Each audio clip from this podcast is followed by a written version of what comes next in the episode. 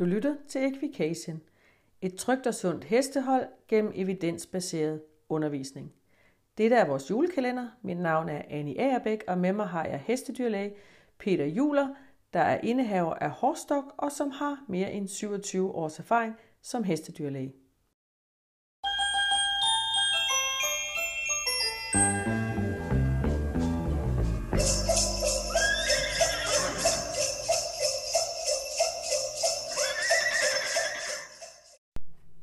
Peter. Hej Annie. Så er der gået endnu en dag på kongressen, den med de amerikanske dyrlæger, eller det vil sige, der er jo dyrlæger fra hele verden. Ja. Vi startede jo faktisk dagen i dag med morgenmad kl. 6.30 med alle de internationale, det vil sige alle de dyrlæger, som ikke er amerikanere, var samlet til morgenmad sammen. Ikke dem alle sammen, men der er, Nej. mange, der er i hvert fald mange nationer, der er præsenteret. Så, men det er sådan lidt mere en social event. Var ikke meget fagligt i det. Nej, kun lige lidt øh, forskellige lande, der fortæller, hvis de har noget virus, for eksempel Mexico. Og det er jo tæt på den amerikanske grænse, så det er Ja. jo selvfølgelig interessant nok. Men, øh, men også sjovt at se øh, hestedyrlæger fra, fra Japan og fra, øh, altså, du ved. Og vi sad sammen med en italiener, som laver det der Ixi.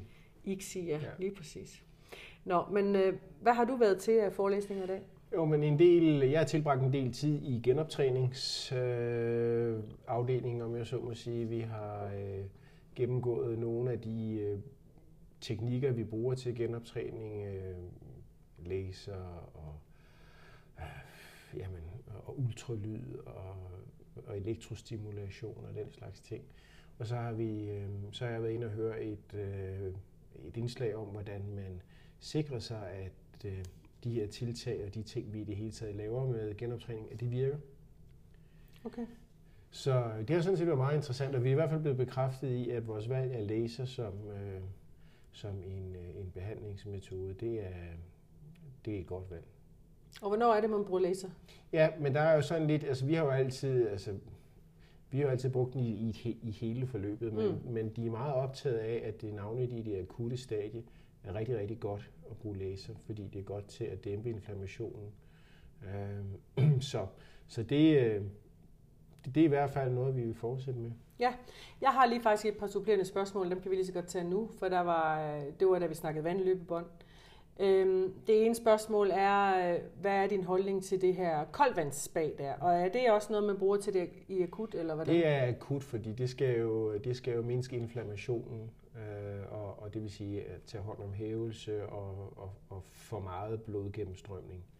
Øh, og det, øh, det er typisk noget, man bruger i det akutte stadie, og så var der en af, af, af foredragsholderne, der fortalte, at hun brugte det løbende igennem et genoptræningsforløb, sådan cirka hver gang, at hun ændrede noget i genoptræningen, altså for eksempel øgede mængden af trav, eller indførte nogle nye øvelser, eller sådan noget lignende, Okay. så, øh, så for, som hun udtrykte, så forventer hun jo, at, at hesten, hestens krop kan, kan reagere med en lille smule inflammation, øh, når, når den bliver belastet lidt mere. Så derfor så vil hun sådan lige umiddelbart i, i tilslutning til, at hun laver noget om, så, hun, så, så brugte hun i hvert fald øh, på sit eget hospital øh, Det kolde vand. det kolde vand. Ja. Og der var også en, der spurgte, hvad med de her almindelige vandløbebånd, som vi bruger meget i Danmark? Altså dem, hvor vi ikke fylder op til skulderen og laver, om ikke det for eksempel er godt i tilfælde af knæskalsheste. Jo. Det må man sige, eftersom at vi øger, vi, vi øger bevægeligheden, vi øger, øh, hvad skal man sige, øh, løftet i, i benene, og du giver modstand i, øh, i fremføringen af benene, så, så vil det give mening til heste med knæskalslåsninger. Ja, for det man kan sige med, med, med hvad hedder det, vandspag, vandløbebånd, hvor, øh, hvor der ikke er ret meget vand, så får du jo hesten til at løfte benene mere, fordi ja. så vil den typisk ikke stride igennem vandet, så vil Nej. den, hvis ikke det er ret dybt, så vil den jo bare begynde at løfte benene, og det svarer jo lidt til, at den går over bomme, for Det eksempel. kender vi også selv, når vi går i lavt vand, så Ja, ja. løfter vi også benene mere. og det når gør vi går i dybt vand, så gør vi ikke. Nej, lige præcis. Altså, der, er, men der er en tilbøjelighed til, at hesten holder op med at slæbe benene så meget, og specielt når vi snakker knæskalslåsning og knæskalsfasthængning, så, øh, så så er det godt at, at, få den til at løfte benene, Ja. for at, at hele den der muskulatur, der, der skal foretage det der løft i selve knæskallen, sådan så at den kommer op fra sin øh, låste position, og øh, at knæet kan bøje sig, at den muskulatur bliver styrket. Og det er jo det samme, man også kan ved at lægge en bum ud, hvis ikke man har mulighed for at vandløbe båndet. Mange bomme. Mange, helst. mange bomme, ja. Ikke én bum. Ja. Men en masse bomme på stribe for eksempel, så, øh, så har man igen en hest, der går og løfter benene mere. Og ja. Det er i hvert fald en god øvelse, hvis man har problemer med knæskalslåsning. Ja. Men vi kom også til denne her, vi mødte jo Martin Krav. Kan du ikke lige Ja. starte med at fortælle, hvem er Martin Krav? Martin Krarup er jo øh, noget så, så sjældent som en dansker, der har succes her i USA. Martin arbejder på et meget, meget stort øh, øh, forskningssted i Kentucky, Mm. og han er på verdensplan en anerkendt øh, forsker inden for hestens indvoldsorm. Ja. Øh, og han er mega sej, og han er god til at finde løsninger, der også har øh, en praktisk øh, funktion for, for os dyrlæger. Ja, så det er muligt. Altså Ja. en, en, ja, at få, få gennemført nogle af de der ting, øh, så man ligesom finder et kompromis, der virker ja. ude i, i praksis. Ja. Og han er på markedet nu med en maskine. Øhm, ja, han er i hvert fald han har stået for en stor del af det faglige øh, øh, grundlag for en maskine, der kan lave en automatiseret form for øh, gødnings, øh, eller, øh, gødningskontrol. Ja, altså, Altså, ægtællingen. Ægtællingen, ja, lige præcis, hvor man måler antallet af æg per gram afføring for at få en idé om smittetrykket i, øh, i den ene, i, i hesten, men, men når der er flere heste sammen, så også i besætningen. Og vi har jo faktisk et par spørgsmål inde i vores Facebook-gruppe, der hedder Equication. Øhm, der er nogle spørgsmål, der handler om, øh, om ormekur og ormebehandling til føl. Ja. Så skulle vi ikke prøve at tage lige føldelen i dag, fordi jeg ved godt, at, at orm er jo et bredt emne faktisk, og der er rigtig meget Nærmest uudtømmeligt. Udtømmeligt, ja, lige præcis. Men vi har en Lone her, der spørger om, om det med føl. Uh, hun har hørt, at, at følgene kun må få panakur, så fordi det skal slå ormene langsomt ihjel, men hvad så med bremselaverne, spørger Lone om. Øhm, den første ormekur skal følgende have, hvis man spørger mig, når de er omkring 2 til tre måneder gamle. Gamle. Ja. Mm. Øh, og den første ormekur bør være en panakur, fordi panakur har rigtig god effekt over for øh, spolormene. Mm. Den er sådan svingende med de andre orm, der er den ikke så driftsikker, men den er ret driftsikker, når det drejer sig om spolorm. Mm. Og hvorfor er det, vi er, øh, hvorfor er det, jeg insisterer på, at panakur skal være den første? Mm. Det er fordi, at panakuren, altså i modsætning til de andre ormekurer, vi bruger øh, til almindelige gængse orm, Mm. som lammer dem og får dem til at slippe samtidig, så kan man sige, at panakuren populært sagt sulter ormene ihjel. Mm.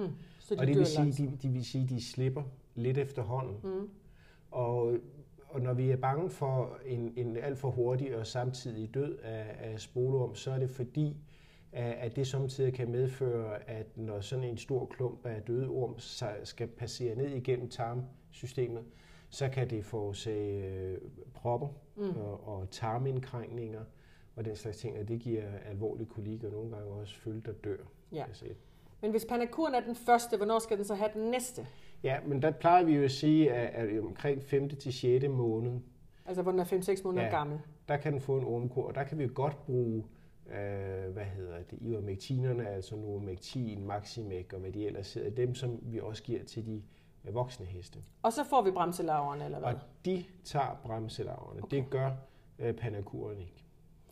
Vi har en anden, der har stillet spørgsmål ind i samme Facebook-gruppe. Øh, det er Maiken, som så har fået et 6 måneder gammelt føl. Øh, som måske har fået ormekur, og hun ved ikke hvornår. Starter hun også med en panakur? Det vil jeg sige, hvis jeg skulle, øh, altså hvis jeg skal gå med livrem og seler i, i det her, så vil jeg helt sikkert sige ja, start med at give den panakur. Øh, og så kan man så øh, vælge kortere tid efter, øh, af, måske efter, en 6-8 uger, og så følge op med en af de andre ormekurer. Ja. Okay. Så, så øh, det er ikke så meget med, hvor gamle de er, men mere et spørgsmål om, hvis det er hestens første ormekur ja. i dens liv, Jeg vil, så start med noget, der, der slår det jeg, langsommere vil ihjel. specielt, jeg vil faktisk specielt sige, at hvis man har et føl, der ikke har fået ormekur i 2-3 måneders alderen med panakur, Ja. så er der, så, er der så, så meget mere grund til at være fornuftig og så bruge en panakur, øh, hvis følget så lad os sige er 6 eller 8 måneder gammel, når den skal have sin første ormekur. Hvordan med den drægtige hoppe, inden hun foler? Er der på nogen måde, altså jeg ved ikke, hvor mange orm, har alle følt mange orm, eller kan man afhjælpe noget ved at give hoppen en ormekur, inden det er, man, man mener jo, at man kan regulere den smitte, der, der sker fra hoppen til følget øh, via, via yveret og, og mælken, mm. øh, hvis man giver dem en ormekur cirka en 14 dage før foling. foling ja. Okay. Men under alle omstændigheder, uanset om hoppen har fået ormekur 14 dage før, før foling eller ej, så anbefaler du, at, at følget får, når den er 2-3 måneder ja. gammel, starter med panakur. Ja. Har den ikke fået noget, og den er, noget, den er 6 måneder gammel eller 8 måneder gammel, har den aldrig fået en ormekur, så starter vi med panakur, og så efterfølgende kan vi give de andre, ja. Super. Jamen ved du hvad, så tror jeg måske, at Lone og Maiken har fået svar på deres spørgsmål om ormekur. Vi snakkes ved igen i morgen.